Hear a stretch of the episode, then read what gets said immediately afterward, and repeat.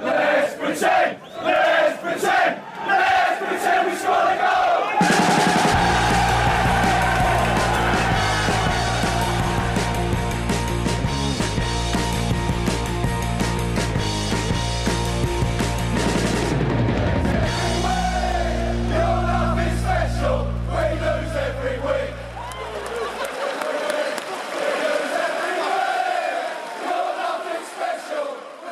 Sportbladets Premier League-podd hälsar välkomna till en eh, ytterligare en sån här grå, trist, kall vecka. Nej, så kallt är det inte egentligen i december.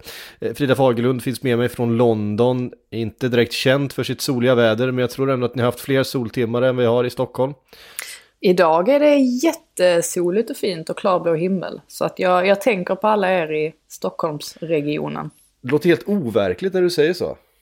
Det gör det? Ja, Ja. Nej, men vi har haft... Eh, alltså vi kan ju inte påstå att det var fint väder igår. Det regnade och var riktigt så här ruskigt. Men eh, vi har ändå haft en del soldagar faktiskt. Tillräckligt många för att man ska vara nöjd i alla fall. Ja, Stockholm står kvar på noll soltimmar under december. Det är... Eh, Behövs inte mer. Överskattat. Eh, det har varit fotboll hela helgen. Kalle Karlsson är inte med oss idag. Han fick förhinder kort innan, men eh, var ju det när vi har Frida Fagerlund som har varit ute på äventyr. Vi ska prata lite mer om det eh, i helgen. Träffat ett eh, riktigt spännande eh, fotbollsprojekt. Det har jag. Det har jag. Eh, men jag tänker ändå att vi får börja i Manchester och Manchester derbyt. Eh, Ole Gunnar mot Pep.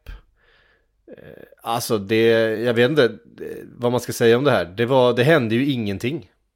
Det var 90 minuter av, av absolut ingenting. Nej men precis och jag tyckte ändå att man hade detta på känn lite grann inför matchen. Nu hade ju Guardiola förlorat ganska många av de här derbyna på sistone och kanske var det så att han bestämde sig nu för att det här derbyt ska vi absolut inte förlora. Och proble- problemet blir ju då att när ett lag spelar på det sättet, för att Manchester City kan ju spela så här. eh, Då Det är har inte, det är inte första gången. Det är inte första Nej, gången. som- nej men precis. Och då har inte Manchester United sådär jättemycket att, att komma med heller. Och, och sin sida.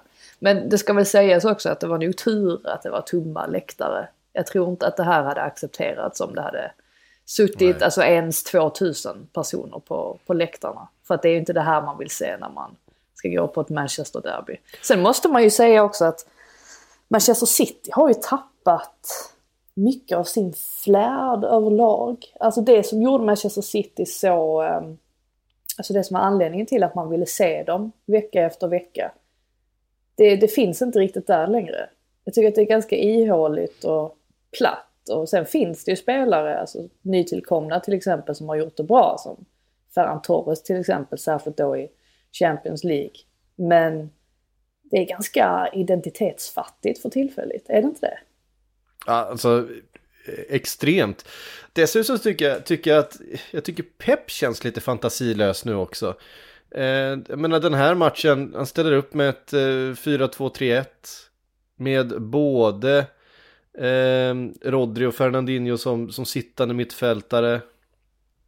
Eh, alltså, jag vet inte, det känns eh, riskminimerande och fantasilöst. Eh, och det är ju liksom inte det man, man, eh, eh man förväntar sig utav, utav Pep Guardiola. Framförallt inte i ett Manchester-derby mot en tränare som man, som man liksom förväntar sig att han på något sätt ska kunna manövrera ut. Även om han spelar riskminimerande så ska han liksom ha en, en offensiv plan. Han ska ha en, en vänsterback som, som dyker upp på ett, eh, i en yta som man inte förväntar sig och, och plötsligt skapar ett numerärt överläge, en situation av matchen och, och, och, och vinner den här. Så som vi har liksom sett eh, Manchester City göra så många gånger innan. Även i de matcherna där, där eh, eh han har spelat väldigt risk, riskminimerande. Vi har ju sett flera av de här eh, eh matcherna mot Liverpool till exempel. Eh, de senaste åren har han ändå haft någon, någon slags eh, kreativitet i, i, eh, i matchplanen som jag tyckte saknades här. För jag, jag menar, eh, det blir också väldigt tydligt hur, hur en sån spelare som Kevin De Bruyne eh, påverkades av att ha ett så, så defensivt liksom, eh, uppställt lag runt omkring sig med eh, inte så mycket eh, alternativ för, för sitt liksom, offensiva, kreativa eh, passningsspel. Eh. Nej, och sen så har ju eh, alltså Manchester City, de, de skapar ju ändå om man ser till de senaste matcherna så sådär så har de ändå skapat rätt många målchanser och problemet är att de sällan sitter. Och jag tror väl att Mares borde väl fortfarande vara deras bästa målskytt i ligan den här säsongen. Och då kom ju alla hans tre mål mot Burnley var det va, de körde över. Mm. Och det säger ju också en hel del. Då Ja. när man, eh, ja men med Agüero då som uppenbarligen inte var matchfit, eller han sa väl tactical reasons, men ett möte med Manchester United är väl inte kanske den typen av match där man ska komma igång efter en skada. Så att Nej. det, det kan man ju ha förståelse för. Men de lider ju av det att det är inte lika många chanser som sitter. Och vi såg ju ändå, om man tänker på, ja men inte förra säsongen men förra säsongen igen då när de var riktigt, riktigt bra. Eh, Då, då hade ju Sterling till exempel, han hade ju råd att missa 6-7 lägen i matcherna. För att eh, satt bara liksom, två av dem så, så var det lugnt. Så, så vann ju Manchester City matcherna. Men så är det inte riktigt längre. Nej, och det fanns också... Eh, det, det kändes som att de hade så pass mycket offensiva spelare. Det enda de behövde göra var att, att ta löpningarna. Så kom den där bollen också inflygande från De Bruyne in på fötterna på någon i boxen. Eh, och som hela tiden då hotade motståndarnas backlinje på ett sätt som gjorde att de aldrig kunde liksom spela avslappnat. Utan hela tiden var tvungen att plocka upp varenda löpning som, som, eh, som kom. Och eh, konstant hade liksom Sterling, eh, David Silva såklart på den tiden, Agüero och så vidare. Eh, jag vet inte, jag, får, jag känner inte att Gabriel Jesus gör det på samma sätt. Jag tycker inte att han, att han klarar av den där rollen riktigt. Eh, som den ensamma strikern längst fram i ett sånt här system. Han... Eh, Eh, jag vet inte. Han, han har ju såklart eh, fantastiska kvaliteter eh, som fotbollsspelare, tekniskt begåvad och så vidare, men eh, det känns inte som han riktigt, det känns inte som han håller den, den kvaliteten som man förväntar sig av liksom ett av världens bästa lag. Att han ska vara den, den ensamma strikern. Framförallt när vi har sett eh, Agüero som ju är eh, fantastisk på att hitta de där ytorna och, och, och hela tiden hota eh, under så många år. Det är inte samma nivå på Gabriel Jesus helt enkelt. Nej, och de är ju på jakt efter en ny striker också. Det är ingen hemlighet. Sen behöver ju kanske deras, alltså hur de, sättet de rekryterar på behöver kanske ses över också. Jag vet att vi har varit inne på det tidigare att det har ju inte fallit väl ut eh, varenda gång man har plockat in en ny spelare. Nu har ju Ruben Diaz ändå eh, levt upp till förväntningarna som han kom med. Och sen får det ju sägas också att eh, en som har fått en liten upprättelse också är ju John Stones som eh, helt plötsligt eh, spelar fotboll igen ens. Det, det var inte så självklart för bara några veckor sedan.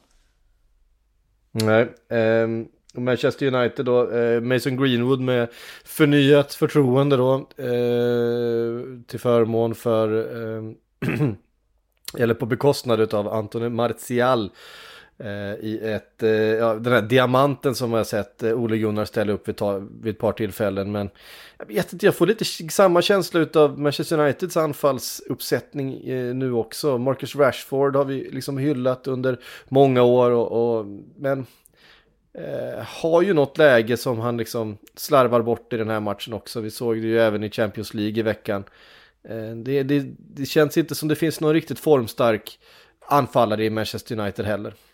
Nej, Rashford har inte kommit upp riktigt i nivå den senaste tiden. Jag vet att det lätt blir så, det kan man höra ibland, att folk tror att han har varit jättebra under hösten. Men det är ju mest för att han har varit så duktig utanför planen. Eh, och, och det är därför man liksom har illusionen att han har varit eh, fullkomligt strålande, vilket han inte har varit. Eh, sen trodde jag ju inte att man skulle sakna Cavani så mycket så snabbt. Eh, men det är ju trots allt så att han är den enda rena nian de har i truppen. Och är han då borta så tappar man ju, eh, alltså inte bara det här att han, han skulle starta men bara att kunna ha en som spelare på bänken gör ju också att man kan få en liten, eh, ja alltså en liten effekt då. vid något tillfälle under andra halvlek. Men eh, där hade man ju inte lika mycket möjligheter den här veckan. Nej, alltså ehm, det såg vi ju inte minst mot Southampton till exempel. Eh, där man Ja, hade precis. Cavani och, och slänga in och kunna förändra en matchbild. Eh, och plötsligt fick en, en spelare som, som löpte in på andra eh, ytor och, och gav en, en Bruno Fernandes som fortfarande är Manchester Uniteds viktigaste spelare ju. Eh, fler alternativ och det är ju det de, de behöver de där spelarna. Eh, de kan ju inte göra det på egen hand. Nej, Men ja, alltså, i övrigt finns det inte så jättemycket att säga om den här matchen. Det, det, det hände ju ingenting. Ehm, det var två, alltså att Manchester United behöver eh, ett, att motståndarlaget bjuder på ytor för att de ska kunna anfalla. Det är ju inget, det vet vi ju liksom. Ehm, de är omställnings, eh, de är, ju bäst när de får ställa om och, och ehm, det fick de ju inte göra i den här matchen. Det, jag tycker egentligen att den största besvikelsen är Manchester City här. Inte för att de var någon jättefavorit på något sätt, men man hade förväntat sig någonting mer för att den här matchen skulle öppna upp sig. De gav ju inte sig själva chansen att vinna heller riktigt. Eh, Nej, och de hade väl framförallt mått väldigt bra av att få med sig en trepoängare. Nu hänger de ju ändå med där. De ligger ju alltså, på åttonde respektive nionde plats. Så att, och det är inte så många poäng upp till toppen där med Tottenham och Liverpool. Så att Nej. de hänger ju fortfarande med. Och eh, ja, Guardiola verkar väl rätt nöjd med det på presskonferensen efteråt också. Ja, Nej, det är så oerhört jämnt så att det är ju ingen som är avhängd än så länge. Eh, kanske med undantag för Arsenal. Eh, om vi tar oss till, till den drabbningen mot Burnley igår då. Eh, Granit Xhaka, vad håller han på med? Eh, ja, alltså jag var ju på matchen. Ja. Ehm, och ehm, satt, eller jag blir alltid nu för tiden eh, på grund av coronarestriktionerna så blir jag alltid placerad eh, väldigt långt ner så att jag sitter ju nästan vid eh, alltså motståndarlagets avbytarbänk. Och det var så många gånger under den här eh, matchen som eh, alltså avbytarna vände sig mot mig som att jag har en skärm då på min plats. När de liksom inte förstod vad är, det som, vad är det som händer, vad är det som händer. Så att det slutade liksom med att avbytarna liksom sträckte sig in så här och liksom kollade på, kollade på min skärm. Men jag kunde du då vända referera. skärmen åt dem så att, de kunde, så att du kunde bidra med en, med en repris så eller? Ja, nej, men lite, lite grann. Men de fick, ju liksom, de fick ju böja sig in. För att ingen förstod ju vad som hände. Det var flera gånger under matchen när det var sådana här beslut där man bara tänkte vad, vad kommer nu hända? Men jag sa ju direkt när man fick se vad Granit Xhaka gjorde på Westwood var det väl. Eh, då insåg man ju att han, han kommer att åka ut. Alltså det var ju sånt, det var ju sånt klart rött kort. Eh, så att det fanns inte. Och grejen med den utvisningen är ju egentligen främst att Arsenal precis då var inne i en väldigt, väldigt fin period av matchen. Första halvlek så var det ganska... Eh, jag tyckte man, man fick ingen riktig fart på, på bollen. Eh, det var lite stiltje sådär överlag. Vissa ljusglimtar, men jag menar en sån som Teni är ju alltid bra nu för tiden så att det räknar man nästan med. Men tyckte inte att högerkanten fungerade alls med Bejerin och William. Det var... Ja, det gick för långsamt, det var för enkelt för Burnley att, eh, att hantera det. Och sen skulle ju dessutom Chris Wood möjligtvis ha gett Burnley ledningen redan där i första halvlek när han fick nicka helt ren. eh, en kvart in eller sådär. Och sen hade ju Arsenal en del möjligheter, det ska ju sägas också, att de hade ju verkligen kunnat haft ledningen i halvtid. Men det var, spelet klickade inte direkt. Men sen när de kom ut efter halvtid så Um, nej men då acc- accelererar de ju upp, alltså skruvar upp tempot och ehm, det, det börjar ju dugga tätt med avslut. Såg betydligt bättre ut och man såg liksom Daesh han vinkade till sig, vad var det, Ashley Barnes kanske. Och höll på och skulle göra byten för han såg ju att eh, snart, snart sitter Arsenals 1-0 Och då gör Xhaka det här. Det är det som är så obegripligt också. Det hade varit en sak om han var frustrerad av att de låg under med 2-0 eller jag vet inte vad. Men det här var ju alltså inget, inget en rutinerad spelare som man ändå får se honom som ska göra. Det, och särskilt inte då med tanke på att Nicolas Pepe också drog på sig ett rött kort för inte allt för många veckor sedan. Och även det skadade Arsenal. Å andra sidan spelade väl Arsenal nästan bättre när de var en man mindre mot Leeds. Men i det här fallet så förlorar man ju matchen på det. Och sen ja. är det ju liksom parodi bara när eh, Aubameyang som inte kan göra ett mål framåt när han eh, nickar in eh, en boll i eget mål. Och så är det vacker, liksom... vacker skarvnick. Ja men verkligen. Och sen, sen försöker de ju, det är ju. De kommer ju faktiskt ganska nära ändå för att vara en man mindre. Att ja. göra ett kvitteringsmål. Men det är väl väldigt symptomatiskt eh, med tanke på var Arsenal befinner sig just nu. Framförallt mentalt men också mm. i, eh, i tabellen. Och man satt där och tänkte att så ska man börja inse att Arteta inte är rätt man för det här. Alltså att han inte kan vända på det. Det kan ju inte, de, kan ju inte förlora hur länge, alltså de kan ju inte fortsätta förlora hur länge som helst. Det, det Nej, finns ju, finns ju ingen tränare som är immun mot det. Och vi har ju pratat om att det är många spelare i Arsenal som, alltså att det inte är någon direkt sådär ledartyp på det sättet. Alltså det är ju, det är ju vissa som verkligen ger allt. Alltså jag, vet att El Neni är en väldigt begränsad spelare men han är en sån som han i alla fall tar Han höll på att ryka han också alltså. Ja, det var, det var väldigt nära. Jag blev faktiskt förvånad över att uh, han kom undan där. Men... Uh, Vad håller han på med? Vad, ja, det är också jätteonödigt och det hade ju...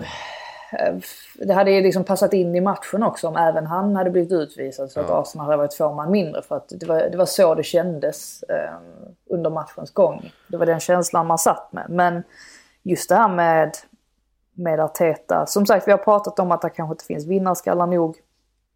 Och så vidare.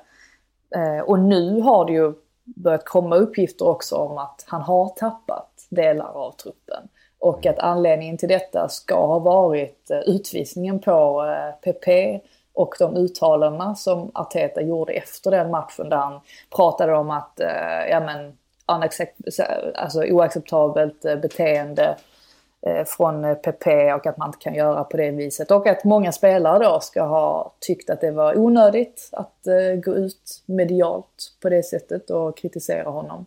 Och det pratas om att David Luiz, som ju tidigare, det får vi ju komma ihåg då precis i början, han eh, hyllade ju Arteta något oerhört och var ju eh, väldigt pro-Arteta. Nu pratas det om att deras relation inte ska vara lika bra längre. Jag tror att Luis har dementerat detta ganska kraftigt. Men å andra sidan så var det ju inte särskilt länge sedan som en annan incident, den mellan Ceballos och Luis, eh, dementerades också. Och så visade det sig att det faktiskt var sant i alla mm. fall.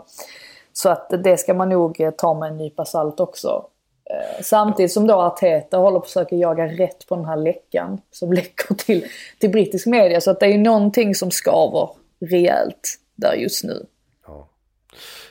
Um, det, det vet ju också sedan tidigare att William har haft svårt att acklimatisera sig till den nya gruppen. Eh, och det syns in. ju tydligt. Det är nästan mm. så att man måste prata om att han, han är ju egentligen ett av de sämsta nyförvärven eh, den här säsongen. Eh, alltså han har ju inte, han har inte levt upp till den succén han, han hade i premiären mot Fulham. Och sen visste vi ju om det att, att William har en högsta nivå som eh, alltså är väldigt bra. Den, den låg han ofta på i Chelsea under förra säsongen. Men att han också har en annan sida av sig själv som är loj och slapp och som eh, inte tar de extra löpningarna, som verkar ointresserad. Och där är han ju just nu i Arsenal. Och sen ska ju inte bara han, man ska inte bara skylla på honom. Det är ju ganska många värvningar de senaste åren som inte har fallit väl ut i Arsenal och där pengar har spenderats på, på spelare som kanske inte har varit eh, de, det bästa för själva lagbygget heller. Så att det är ju alltså många parametrar i Arsenal som inte fungerar och det är någonting som har hållit på under många år, precis som vi var inne på förra veckan. Jag tror vi pratade om det här med Wenger-eran och Ehm, man har helt enkelt inte kommit på rätt kurs ehm, på, ehm, på väldigt länge. Men frågan är nu, hade jag varit Arteta, det är nästan så att jag hade liksom skitit i många spelare nu och eh, bara satt in en massa unga, eh, hungriga spelare. Ja men ta en sån som Emil Smith Rowe som har gjort, eh, som har sett jättefin ut i eh, Europa League bland annat. Mm. Och det var ju faktiskt den spelaren som, jag tror att det allra sista Ljungberg, jag kan ta fel nu, men jag tror att allra sista Ljungberg gjorde som eh, interimtränare i Arsenal var att byta in Smith Rowe. Och han var ju också, eh, vet han, han sa det många gånger att eh, Smith Rowe att han har någonting alldeles extra. Han var väl utlånad till, till Huddersfield. Men jag menar ge en sån kille chansen då. Och eh, Enketia som i alla fall gör mål i Europa League, låt han spela. Jag, det, det, just nu så känns det som att det kan inte bli värre i alla fall. Nej, Nej det, det är svårt att, att argumentera för.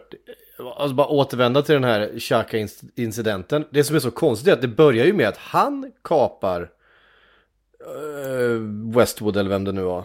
Nej, det var väl var, var det Brady han kapade eller? Ja, det kanske det var. Ja, någon i alla fall. Han kapar, det blir liksom eh, Burnley-spelaren ryter ifrån, fan lugna ner dig. Han hetsar upp sig och eh, råkar mm. snubbla på någon bakom, bakom sig. Eh, ja. Flyger upp och trycker till. Alltså det är... Ja, det är så dumt. Det är så, det är så obegripligt beteende. Men... Och eh, vet du, Sean Dyche sa ju det också efter eh, matchen. För han fick ju givetvis frågor om, om utvisningen och mm. sa att han hade...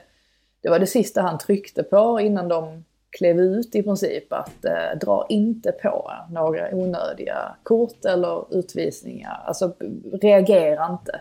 Mm. Um, och så, så sker det här då fast det är en Arsenal-spelare som i väldigt bra läge gör det. Det är inte första gången vi ser Xhaka um, bete sig, alltså omoget får man säga. Det var ju trots allt bara ett år sedan som han kastade kaptensbindeln i, i gräset och eh, klev av. Och det är klart att det fanns åsikter då kring huruvida Xhaka hade tillåtelse att reagera på det sättet med tanke på att han hade fått utstå väldigt mycket och hård kritik och att han uppenbart var väldigt trött på det. Men här har han ju inga sådana ursäkter överhuvudtaget.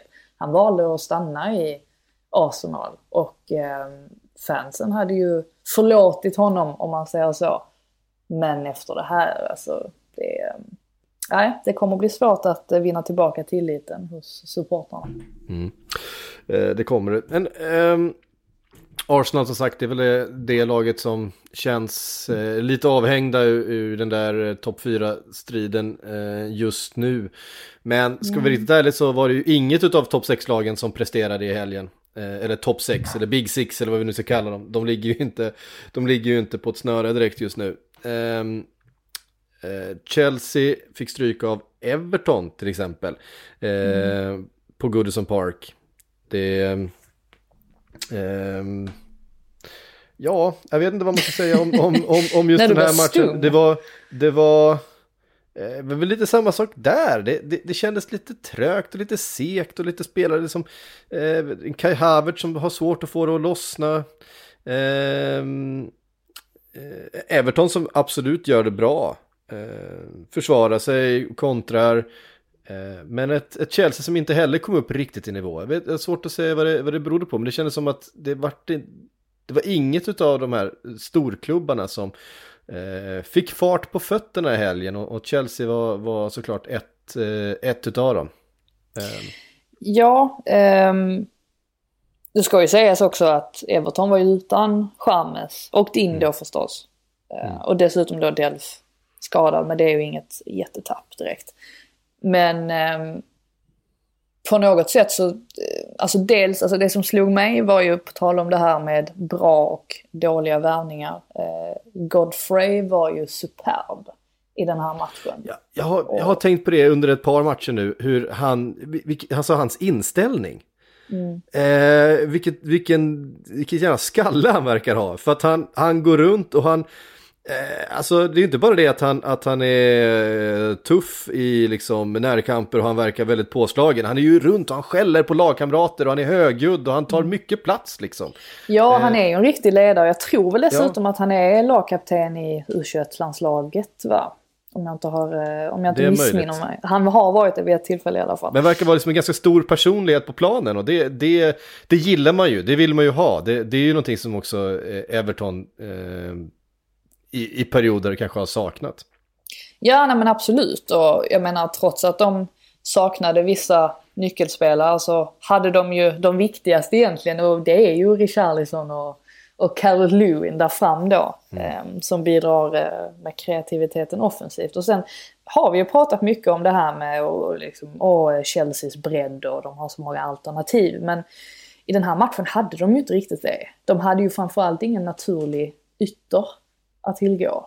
Och det blir ju problematiskt då när, jag menar, både Hudson Odoi, Pulisic och Ziyech är borta. Mm. Då är det inte så mycket längre. Alltså Harvers till exempel, han har ju...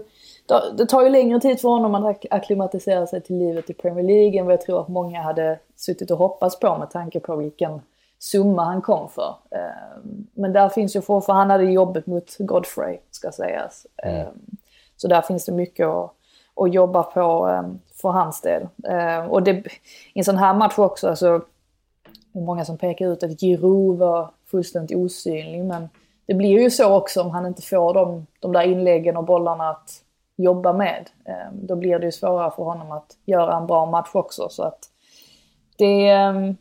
Nej, de har ju, Chelsea har ju faktiskt ganska svårt för Everton rätt ofta. Och det var väl tur också att det inte blev...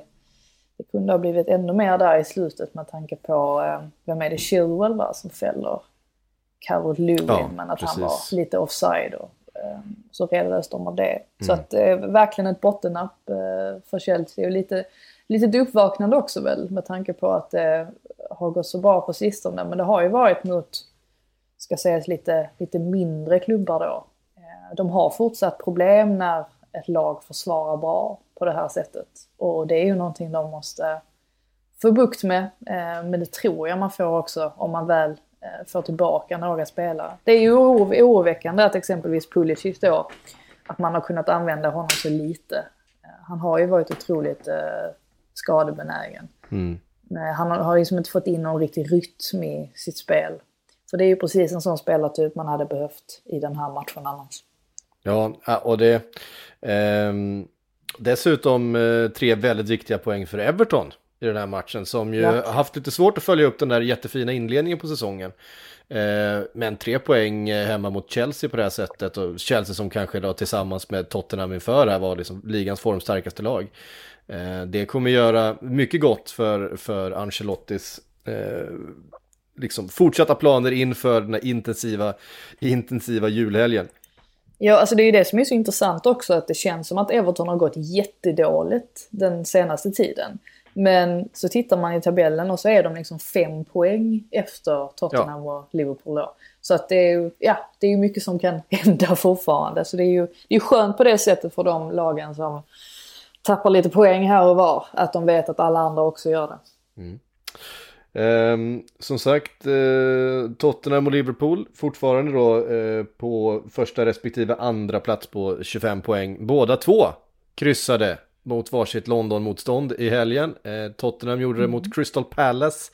Och det här kände jag liksom, alltså Det var en bra match, ska Eh, sägas. Det var en kul match. det var en kul match. Men det, det kändes hela vägen. Alltså jag bara kände det inför Mourinho mot Roy Hodgson just nu. Det måste bli ett kryss. Det måste bli ett kryss. Ja, nej men Mourinho kan ju inte köra över Boss Hodgson helt liksom. Eh, han eh, kallar honom alltid det. Men nej, men sen så, så var ju, alltså det ska ju sägas att Guaita gör ju trots det här att man kanske kan tänka sig att han skulle göra det lite bättre på Keynes eh, avslut, så gör det- han ju en fantastisk match. Ja, det är, en ta, det är en tavla ändå får man säga. Jag tycker även Juris ska ha sin boll som han släpper in. Det, ja, det, Mourinho håller inte med dig där kan jag meddela. Han men fick ju... Eh, Patrice Evra var ju ute i eh, Sky-studion och eh, kritiserade Juris för det ingripandet. Och Mourinho svarade på presskonferensen efteråt att eh, Juris är Premier Leagues bästa målvakt. Eh, ingen... Eh, vilket han, alltså han är ju inte helt, helt snett på det. Juris har ju faktiskt varit Han är en fantastisk bra. målvakt, absolut. Ja. Eh, Så att han ligger ju definitivt där uppe. Men eh, han vägrade att kritisera honom i alla fall.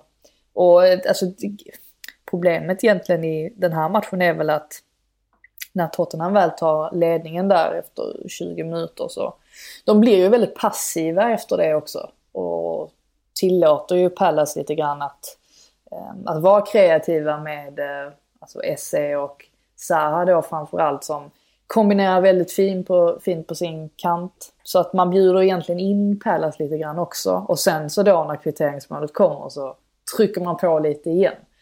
Men eh, jag tror också att det här är ingen fara på taket för dem att kryssa borta mot Crystal Palace. Det är en tuff match. Mm. Så att eh, överlag är de säkert nöjda med det här trots allt. Mm. Um, Liverpool, likadant. 1-1 fast mot Fulham och på ett lite annat sätt. Här fick man jaga matchen på ett helt annat sätt. Kom inte upp ut. Jag berätta, berätta vad du känner när du ser den här. Efter första halvlek, vad kände du då? Nej, det var ju en otroligt svag, eh, svag halvlek utav eh, Liverpool överhuvudtaget. Skapa, eh, kom Är igång den sämsta sist... hittills sämsta under halv... säsongen? Halvleken? Ja, sämre än Villa-matchen, eller? Nej, det är det inte. Det är det inte. Vi, de, vi, Liverpool släppte till så mycket mer målchanser mot Villa. Eh, det var ändå inte så jättemycket målchanser de släppte till. Det var mest att de skapade så oerhört lite själva. Eh, man är ju ganska van vid att Liverpool ändå släpper till en och annan målchans sådär. Men att man har så mycket bollinnehav och så mycket spets framåt att det liksom överskuggas av det man skapar själv liksom. Eh, försvarsmässigt, det är klart att Fulham gör det ganska bra också. Eh, målet är ju, är ju fint, där hamnar ju... Han är ju fin i de lägena, Reed. Det, han hade ju, det var ju ett liknande, det var inte, det var inte identiskt men det var ett lite liknande mål han gjorde mot eh, Everton hemma också. Han är, han är svår där när han kommer mm. eh, farande. Ja men jättefint avslut ju. Eh, och framförallt så var det ju, så var det ju Liverpools eh, bolltempo som var för lågt. Eh, kreativiteten eh, centralt fanns inte. Ehm, det, det, det var också lite sådär, varken Sala eller Mané kändes som att de var på något vidare spelhumör. Det var, det var trögt helt enkelt. Kom igång lite på slutet av första halvleken. Då fick de tag mer i bollen och, och, och började skapa lite grann. Och sen så eh, är det ju nästan bara en tidsfråga, eller liksom fråga om Fulham ska orka stå emot under andra halvlek, vilket de gör jättebra fram tills att den där snöpliga straffen får man ändå säga eh, blir till. Ja, verkligen. Ja, det får man verkligen säga är, mm. var snöpligt. Det var väl, det var väl rätt.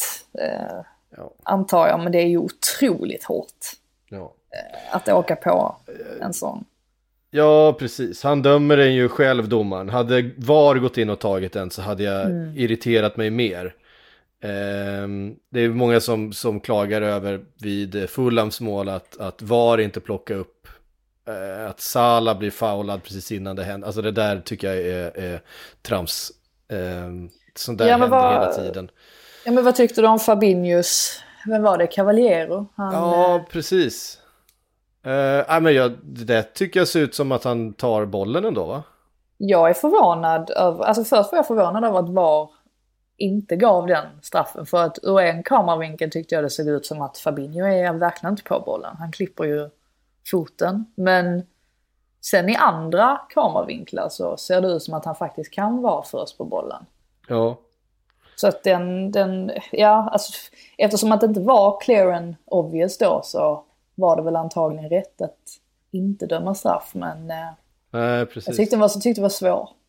Ja, den, den, eh, den var svår. Jag, jag, tyckte det såg ut som att han var på bollen faktiskt när jag, när jag såg den. Så jag ja, men jag tyckte det var olika, ja. nej, så olika kameravinklar beroende på hur man eh, kikar. Men eh, jag tycker absolut inte att, att eh, Fulhams mål skulle dömts bort på grund av den eh, faulen på Sala. Det, det, där är liksom, visst om domaren, om domaren blåser för den så, eh, men det tycker inte jag VAR ska in. Alltså, min känsla nu när, när jag ser på fotboll är att så fort, så fort det är liksom fler än, än två, tre gubbar i straffområdet, ja, men bara slänger på marken, skrik och vifta, få VAR och titta på någonting. Ni kommer hitta någon jävla touch någonstans, ni kommer hitta någonting. För det är ju alltid någon som knuffar på någon eller så här. Mm. Eh, det, ja, det är bara slängas och skrika och vifta och påkalla domarens uppmärksamhet. Jaha, nu måste vi titta på någonting här. Ja, men då kommer man hitta någon liten skarv någonstans, någon liten dröjdragning eller vad det nu än är. Alltså jag är ju av eh, uppfattningen att jag tycker att det är alldeles för enkelt att få straff i fotboll. Ja. Eh, och det, det kommer jag alltid tycka. Mm. Nej, jag håller, håller verkligen med. Jag tycker att indirekt frispark eh, borde ja, det vara... Ja, vad är det fel med det? Ja, exakt. Alltså sådana här saker som, som eh, jag vet inte, jag har för mig, det här kan vara eh, att jag har hittat på, men visst, det eh, gamla regelbrottet obstruktion, alltså helt enkelt att man står i vägen, eh, stängning liksom. Eh, Att det en gång i tiden skulle, eh, liksom enligt regelboken, ge off, eller indirekt frispark. Det tycker jag att man hade kunnat applicera på många tillfällen i sådana fall. En indirekt frispark, eller att man hade en zon. Dessutom så är straffområdet alldeles för stort. Ja, precis. Och en jättekonstig form. Det borde vara mer som i handboll, att det är liksom en rundad. För att det som händer långt ute liksom i hörnet på straffområdet, det är liksom helt oproportionerligt. Eh, att få en straffspark för någon liten förseelse som händer, ja, skitsamma, det är en annan diskussion. Men eh, det blev kryss i alla fall i slutändan. Ja, alltså sett över 90 minuter så skapar ju Liverpool fler målchanser än vad Fulham gör, fler och, och, och hade kunnat göra fler mål. Men det, det känns som att 1-1 ändå, Eh, bra poäng för Fulham eh, och ett rättvist resultat eh, i slutändan. Men första halvlek var ju bedrövlig. Eh, givetvis från Liverpools sida. Men, men man måste hylla Fulham här för att de har faktiskt kommit igång. Det Ja. känns inte alls som det Fulham som vi såg i, i början på säsongen som sprang runt som yra höns i eget straffområde. Saknade liksom offensiv plan annat än att de kunde liksom få ihop en eller två passningstrianglar på mitten. Eh, nu Nej, är det ska ju... mycket, ja. bättre, mycket bättre spel och man saknar ju inte ens Mitrovic i, i den här matchen. Nej, och alltså Scott Parker ska ju hyllas för det också. Att han har lyckats skruva på saker och ting. Att han har identifierat vad som inte fungerar och försökt att åtgärda det. Sen tycker jag att en sån som Loftus-Cheek till exempel har ju... ehm, nu såg jag såg inte andra halvlek av den här matchen för jag var ju på, um, på The Emirates. Men eh, av det man har sett Loftus-Cheek tidigare så har... ehm, Alltså jag, jag tyckte, i alla fall när man såg Everton-matchen så det var ju när han kom in som eh, Fulham började stabilisera sig ännu bättre. Så att eh, han, han har sett fin ut också på sistone. Ehm, vi tar oss eh, vidare då därifrån. Eh, nu ska vi se vart vi ska ta vägen. Jo, jag tänkte vi skulle till eh, kvällsmatchen. Leicester-Brighton. För Oj, oj, om, om eh, så kallade Big Six inte levererar då så får man säga att det här var, här var Le- Leicester uppe i sin, eh, i sin fina form igen. Var det Ja. om, om vilket mål av Madison? Nej men verkligen. Alltså Madison är ju... Eh, det är ju lite intressant med honom för att han har ju varit väldigt tydlig med själv att han siktar på en EM-plats nästa sommar och fortsätter han på det här sättet så kommer man ju bli förvånad om han inte tar en plats. Det är klart att det är hård konkurrens om just de positionerna men han är ju öppen själv och säger att han tycker att det finns en öppning för honom. Så att, och efter en sån här eh, insats så har han inte direkt minskat sina chanser.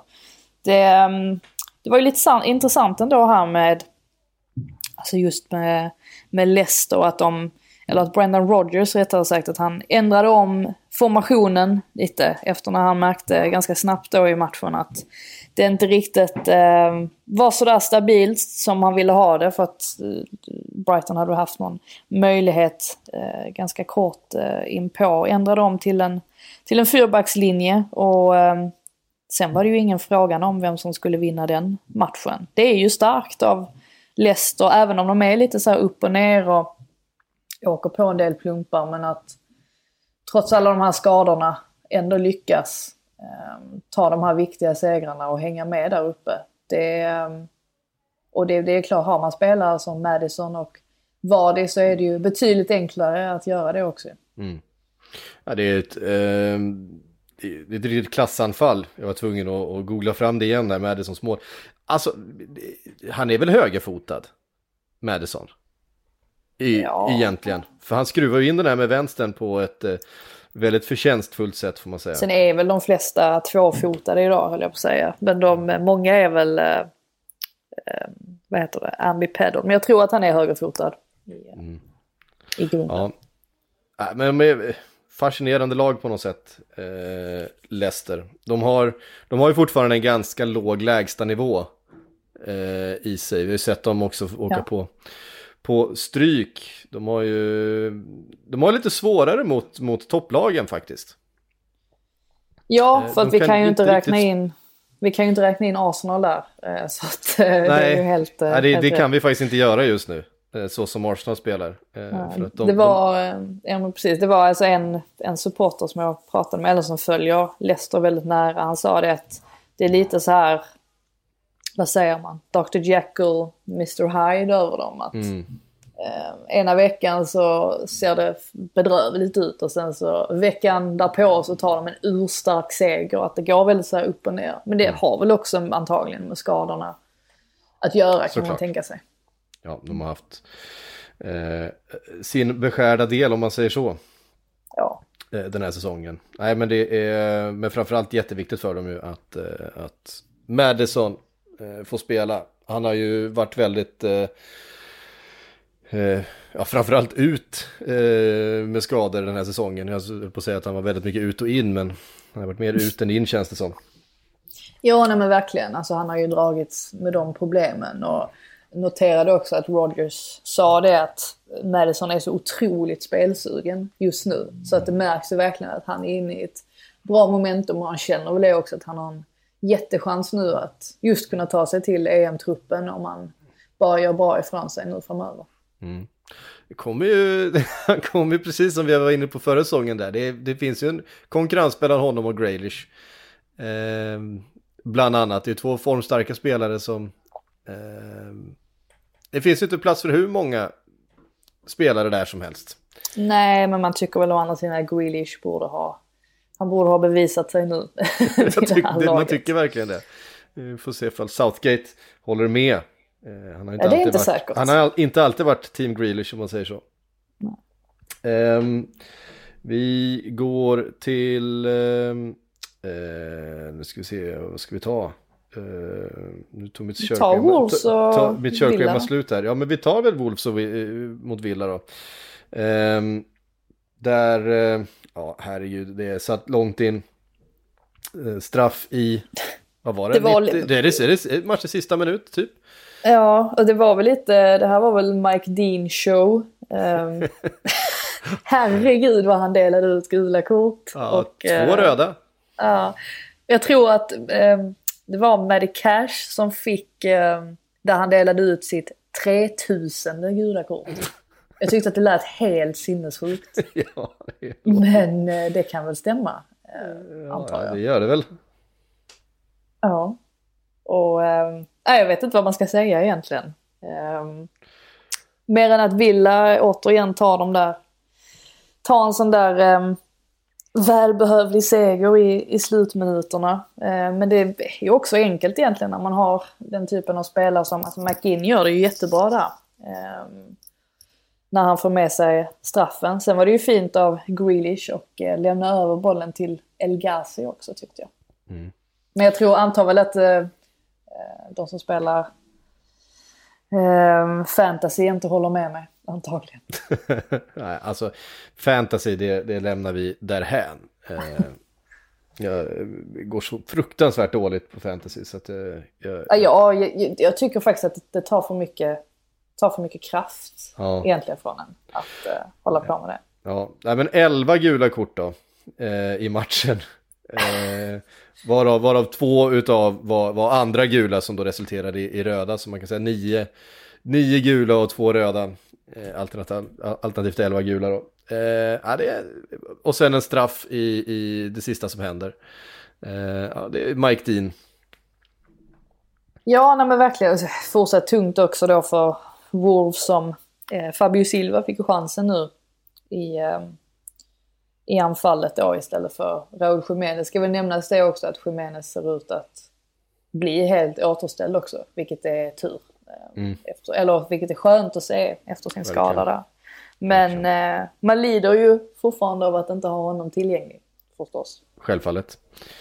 Ehm, mm. Vi går till fredag då. Leeds United mot West Ham United. Ehm, Ja. fan, West Ham är bra.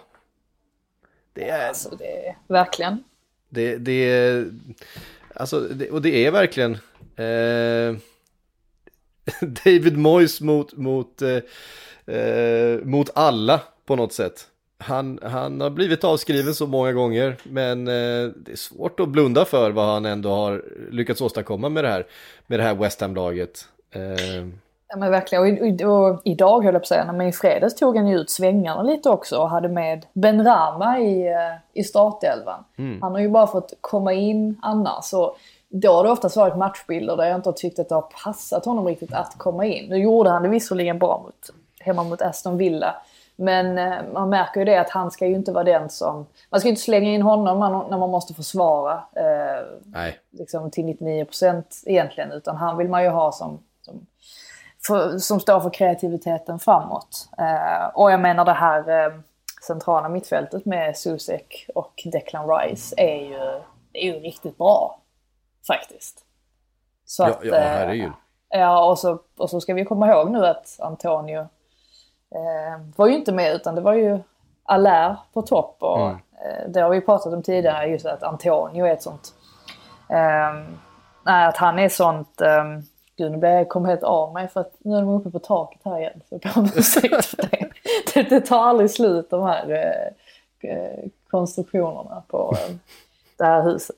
Men i alla fall, Antonio har man ju pratat om att liksom det är han som han som gör att West Ham får den där ordentliga tyngden. Men jag menar uppenbarligen kan de ju vinna matcher eh, ändå. Det som är oroväckande, oroväckande för Leeds del, det är att vi ofta ser det här. Att de har väldigt hög intensitet inledningsvis på matcherna och sen så fejdar det bort allt eftersom matchen går. Alltså det, det, det hände ju i denna matchen. Och det hände ju eh, det, alltså det har hänt eh, tidigare också, exempelvis då bortamötet på Stamford Bridge där man ändå hotade Chelsea en del under första halvlek men sen så i andra halvlek så, ja, så tappar man allt det. Och det är väl lite eh, signifikativt för Leeds också, eller Bielsas Leeds framförallt, att de tröttnar väldigt ofta i, i slutet på matcherna. Och det kommer, ju, eh, det kommer ju ställa till det för dem. Så är det ju. Ja, verkligen. Ehm, jag älskar också bilderna på, på, på Kevin Nolan som är assisterande tränare under David Moyes. Han har skaffat sig en sån jävla trivselmage alltså. Ehm, Ja, han är ju, han är ju galen också. Alltså det är ju, det är ju verkligen... Eh, eh, ja, alltså det är ju rätt... det, är en ganska... Eh, vad säger man? Alltså en, en, eh, en vocal eh, assisterande. Han drar sig inte för att vråla någonting. Nej. Jag tror att det var, tror att det var Nolan som hamnade i tjafs med eh, Dean Smith på Yes. London Stadium. Eh, så att, ja. Men det är underhållande. Ja, han, han flyger upp där och han, han, han har sån, han har sån otrolig eh, karisma på något sätt och liksom pondus. Han, han har liksom fått den här eh, magen nu som ger honom liksom en extra pondus på något sätt. Och den, eh, man får känslan, så där såg han ju såklart inte ut när han var spelare. Då var han ju liksom i en bättre fysisk form. Men det känns, han har liksom attityden av att han alltid har haft den där magen på något sätt. Den sitter så jävla bra. Eh, Ja. Eh, ja, eh, sånt, sånt kan göra mig lite glad. Ja. Absolut. Men sen får man ju som, precis som vi var inne på också att eh, David Moyes ska ju ha Ja, cred också för vad han har lyckats göra. Det är, um, det är inte konstigt att det pratas om kontraktsförlängningar nu och det trodde man ju verkligen inte inledningsvis på säsongen med tanke på vilket tufft spelschema de hade. Nej. Ehm, Southampton har vi varit inne på som kanske säsongens största succélag. Eh, mötte den största ja, fiaskolaget för den här säsongen, Sheffield United. Det är liksom, de ser ner, ner, redan, redan nedflyttade ut tycker jag när eh, man ser dem spela Sheffield. Det är, Nu är de ju nu är de historiskt dåliga också. De har Ja. alltså den sämsta poängskörden efter 12 matcher någonsin. Eh, eller i och för sig New Brighton 1931 till 32 tror jag det var och Newport på 70-tal, 70-71. De lyckades också bara skrapa ihop en ynka poäng. Men ihop med dem så är de sämst Ja. någonsin. Är det är eh, helt fantasilöst, kreativ, eh, avsaknad av kre- kreativitet. Försvarar sig helt okej fortfarande, ganska tajt men det är liksom, man ser efter, jag tror efter typ 20 minuter spelade hade de, hade de inte ens 20% av bollinnehavet mot Southampton. Och det, eh, det, var bedrövligt verkligen. Ja, alltså noll skott på mål totalt sett i matchen också. Det säger ju eh, väldigt mycket.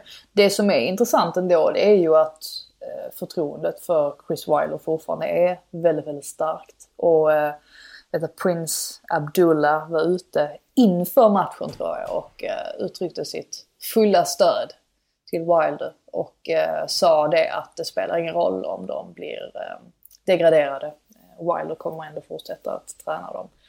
Så att eh, ja, frågan är så kan de verkligen gå igenom en hel säsong? Låt säga att det är klart att de kommer ju vinna någon match så småningom. Det vore ju helt sensationellt annars. Men eh, det blir... Eh, Man ser det inte riktigt hända just nu. Nej, eh, exakt. Man gör ju inte det.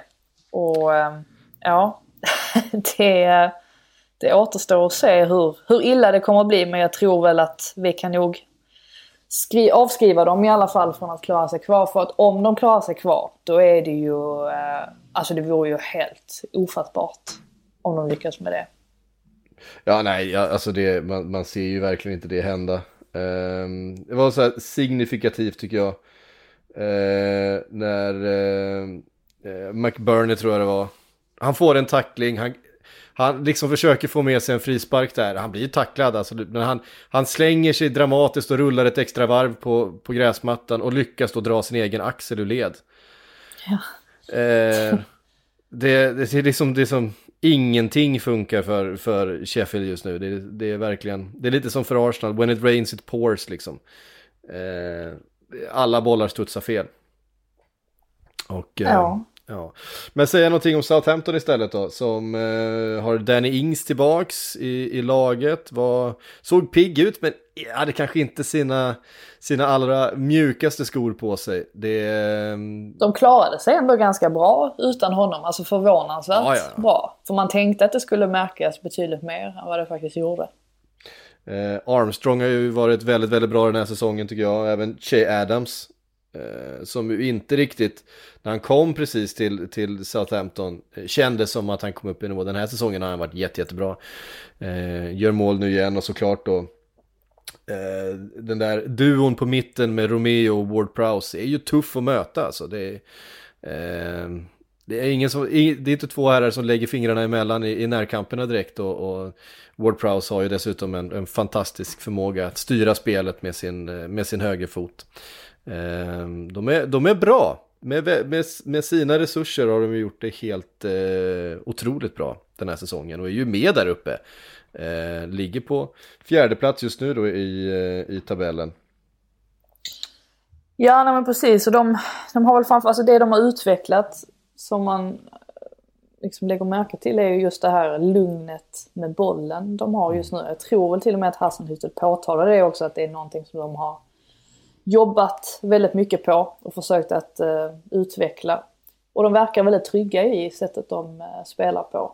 Sen är det ju klart att det, det, är inte helt perfekt alltid. Det såg vi ju mot United där när man inte lyckas hålla en 2-0-ledning exempelvis. Men Nej. man får ju komma ihåg också vad det är för spelare de har att arbeta med. Det är inte det bästa spelarmaterialet i, i ligan direkt och ändå eh, lyckas han få dem att spela och hantera det här systemet så pass bra. Mm. En som jag tycker har vuxit väldigt mycket är Walker Peters eh, på högerbacken. Tycker han har... Eh, ser Ja, en av de bästa i ligan. Ja, han är riktigt fin. Eh, tappar väldigt sällan bollen. Är, eh, är med bra hemåt också, men framförallt offensivt är han ju eh, riktigt, riktigt bra. Och det är väl han och Reece James egentligen som har varit bäst Ja, på högerbacken under säsongen. Hittills. ja det får man säga. Och det, eh, köpte de loss honom från Tottenham, eller är han på någon slags lån eller? Nej, de har köpt, köpt loss honom. Ja, det är en, en riktigt fin värvning. För eh, det tycker jag, det är en av de som jag tycker har haft den absolut största utvecklingen under den här säsongen. Eh, man var, jag var i alla fall inte helt övertygad om hans, hans eh, kvalitet när han kom fram där i, i Tottenham. Det var mest man tyckte det var kul att han hette nästan samma sak. Eh, som, som killen han tog över efter. Eh, och sen så hände det inte så mycket mer kändes som, men, men nu är han ju, som du säger, en av, en av ligans bästa högerbackar. Eh, vi säger något om Newcastle, West Brom. Eh, ja, att eh, det här skulle ju vara vinna eller försvinna för Slaven Bilic. Sades det i alla fall. Eh, återstår att se nu om vad som händer med honom men ägarna ska ju inte vara helt nöjda med eh, poängskörden då framförallt. Eh, det är ett väldigt fint, alltså Newcastle, det blir ju ofta så i deras matcher att det går vägen för dem även om man sitter så här, eh, ja men efter en timme ungefär och tänker att nu kan det ju inte, nu kan det inte gå och sen så ändå så, eh, så kommer de därifrån med tre poäng. Jag tycker att det händer, händer Mm. väldigt ofta och här får de ju mål då redan efter en, en minut eh, genom Almiron och det är ju förstås en, en drömstart och sen är det ju eh, faktiskt ett dubbelbyte där som, eh, som gör det för, eh, för Newcastles del när eh, Bruce eh, byter, byter ut Lewis och Emil Kraft och sätter in Gale och Murphy och får utdelning också bara tio minuter senare. Ja, det är ju faktiskt Murphy som spelar fram Gale. Ja men precis, eller det var väl inget dubbelbyte i och för sig för Gale kom in först och sen kom Murphy in. Men det är ju de två som eh, samarbetar vid eh, 2-1 målet. Så att nej, han fortsätter ju att eh, det är, det är inget... Det är inte så att de spelar någon sorts skönspel men de har Nej, ändå ingen 17... påstå. nej men de har ändå 17 poäng och, Ja. och ligger ju väldigt stabilt i mitten. Eh, och just nu kan man väl kanske inte begära så mycket mer av Steve Bruce ändå. Nej, eh, verkligen. Eh, före vi går över och svarar på ett par frågor så ska du få berätta om din utflykt i lördags.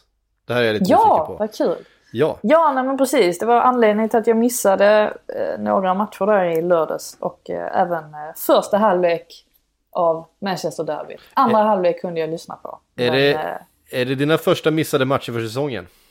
Ja, fast jag tar ju alltid igen det för jag ser ju om matcherna Jo, jo, absolut. Men nu har jag inte, nu har jag inte hunnit för jag var ju iväg i, även igår. Men jag ska sätta mig här under dagen och kolla igenom dem. Men eh, ja, alltså live var det nog första. Det är klart man missar ju alltid när man ska till någon match så missar man ju någon halvlek för att det tar ändå lite tid att ta sig dit Mm. och sånt. Men eh, annars är jag rätt bra med det. Nej, men i, eh, jag var i, eh, tog tåget till Stroud i eh, lördags då och eh, tog mig sedan vidare till eh, Nailsworth eller eh, Forest Green och eh, besökte Forest Green Rovers. Och det var, jag skulle ha åkt dit eh, samma helg som ligorna sattes på paus faktiskt i mars. Men det blev ju av förklarliga skäl då inställt. Och, ehm, men så kom jag iväg nu istället. Och grejen för de som inte känner till det så är ju Forest Green Rovers, de spelar i League 2 och är ehm, alltså världens grönaste klubb skulle man kunna säga. De ehm, har en väldigt excentrisk ägare i Dale Vince som jag fick prata med väldigt länge. Otroligt inspirerande människa. Och eh, har ju då ja, men värdegrunder då som grundar sig i, alltså dels att de är helt veganska. Eh, hela klubben, det serveras alltså inget, inga animaliska pro- produkter överhuvudtaget på arenan och samma sak med spelarna. De, de käkar bara eh, plantbaserad kost när de är på eh, eh, anläggningarna. Och eh, sen är de väldigt duktiga med det här att alltså de använder till exempel, vad heter det på svenska? Eh, solpaneler heter det va? Som det. de... Eh, eh, ja, alltså de är väldigt långt före. Det kommer komma mer, jag kommer skriva ett långt reportage om detta som kommer ut i juldagarna. Så då kan man få veta mer om det här. Men det var väldigt, väldigt intressant och väldigt kul. Fick se då Forest Green Rovers möta Cambridge United. 2-0 slutade matchen. Eh, var ungefär 700 åskådare. Det är så många de får lov att ta in just nu på arenan. Och eh, en spelare man... Det som är så skönt när man inte rapporterar från en match är att man verkligen kan rikta in sig på vissa spelare och studera denne. Och en som verkligen stack ut var Odin Bailey, heter han. Och han är tydligen utlånad då från Birmingham. Jag tyckte nog att man hade, jag tror att man har sett namnet någon gång och lagt det på minnet. Han var alltså numret större än, eller inte numret större fysiskt, men han var betydligt bättre än alla andra på planen kändes det som. Fattade inte ett enda felbeslut. Så det, han ska man kanske hålla lite koll på. Men Forest Green Rovers siktar ju på, de ligger ganska bra till nu i League 2. Siktar på att nå Championship också. Så att det blir spännande att följa deras utveckling. Verkligen, alltså deras ägare där, han är ju en eh, så, så kallad grön miljardär. Han har ju gjort Ja. sig sina pengar på, på um, miljöteknik eh, på något sätt. Inte helt klar. Och det, känslan är ju lite grann att hela Forest Green-projektet är ju någon slags, det är ju såklart någon slags marknadsföring för hela den, den, eh, den gröna industrin som han eh, lever av och som han har gjort sina pengar på och som, som han driver då. Men, Ja, och det, och det, är inte bara, det är inte bara det utan hela klubben, som sagt jag kommer ju gå närmare in på det som är detaljerat, men hela klubben drivs på ett väldigt hälsosamt, sunt sätt. Mm. Och eh, nu är det ju till exempel många klubbar som har haft det tufft under pandemin, eh, rent ekonomiskt, men det har inte de haft. De är, det, det är en så pass välskött klubb. Och det är kul att se också, just när man kommer till den typen av samhälle lite ute på den brittiska myllan, eller vad man säger, att det är skönt att känna hur mycket fotbollen betyder på en sån plats. Eh, och alla människor var ju helt underbara. Det är ju verkligen häftigt att se också hur alla har köpt den här idén rakt av. För att när Dave Vince tog över klubben så det var ju inte som att han klev in och, och tänkte att eh, nu ska jag göra om den här klubben helt så att vi ska ha eh, den här inriktningen. Utan det var ju någonting som växte fram successivt när han såg det här att de serverade rött kött till spelarna så tänkte han varför, varför ska vi göra det? Varför kan- inte vi eh, ta ställning för, liksom, alltså, utifrån hans egna då, värderingar som han har. Så att allting har ju kommit lite pö om pö. Eh, men det är en häftig, häftig, häftig utveckling de har haft och verkligen ett spännande ställe att eh, komma till och besöka. Och sen är det ju fantastiskt, alltså framförallt är det ju alltså, den, en oerhört vacker del av England. Jag fick nästan lite så här när jag stod där på, alltså arenan är eh, arenan är helt makalös. Nu ska de ju bygga en ny arena helt i trä. Som de väl precis har fått bygglov för. Det har varit mycket fram och tillbaka. Men just nu så eh, spelar de sina matcher. Den påminner nästan om eh, eh, Turf Moor faktiskt. Om man tänker alltså hur den är belägen. The New, New Lawn Stadium heter den. Och så, det är nästan som på en liten höjd och man har så fantastiskt vacker eh, utsikt. Ja, det var riktig eh, fotbollsromantik på hög nivå kan sägas. Jag var så jag var så glad hela den dagen. Det var så fantastiskt att få uppleva. Så att jag hoppas att, eh, att alla läser det när det väl kommer ut. Som sagt, det blir i, i juldagarna, mellandagarna. Mm. Um, det ska bli väldigt spännande att, att läsa. Uh, fick in precis nu. Uh, hände, det kom rapport här för en minut sedan när vi sitter och spelar in här. Uh, Gerard Houllier har eh, gått bort. Eh, för eh, Liverpool eh, eh, managern och Aston Villa eh, alldeles nyligen. Det är många som har lämnat Ja, jorden det här året. Så är det. det. Det 73 år gammal blev han. Ni kommer kunna läsa mer om det på sportsajter eh, runt om överallt alldeles eh, när vi ja, när ni har lyssnat på det här eller samtidigt som vi spelar in det här kommer ni ha eh, tagit del av den informationen. Kom precis nu. En tanke till eh, Holiers familj såklart. Eh, vi tar ett par frågor innan vi knyter ihop för idag. Eh, David Lilja skriver, hur tror ni Arteta tänker när han hela tiden ger speltid bland annat William, Xhaka och Beirin? Aldrig att de är bättre än akademispelarna. Ja, vi var ju inne på det. Eh, och han gjorde en, en, en grej utav Pepes röda kort. Han tvingas ju göra en grej utav Xhakas såklart som är grövre tycker jag. Ehm, Ja, alltså grejen är att det här landar man i vad han har, alltså dels vad han har på, på bänken eh, att tillgå. Nu kommer ju, Partey kommer ju vara borta eh, alltså större del hela december så som jag har förstått det. Vilket förstås är ett jättehårt slag mot dem. Eh, och vad har man då på, på bänken att plocka in? Ja, alltså Maitland Niles, Enketia och så Smith Rowe och Willock. Som sagt, jag är inne på att man ska ge eh, de här yngre spelarna chansen lite grann. Och då är jag främst intresserad av att se vad Smith Rowe kan hitta på på den här nivån. Och Enketia då som ändå har sett ganska fin ut i Europa League. Men det är ju, det är ju så, jag håller med om Beirin.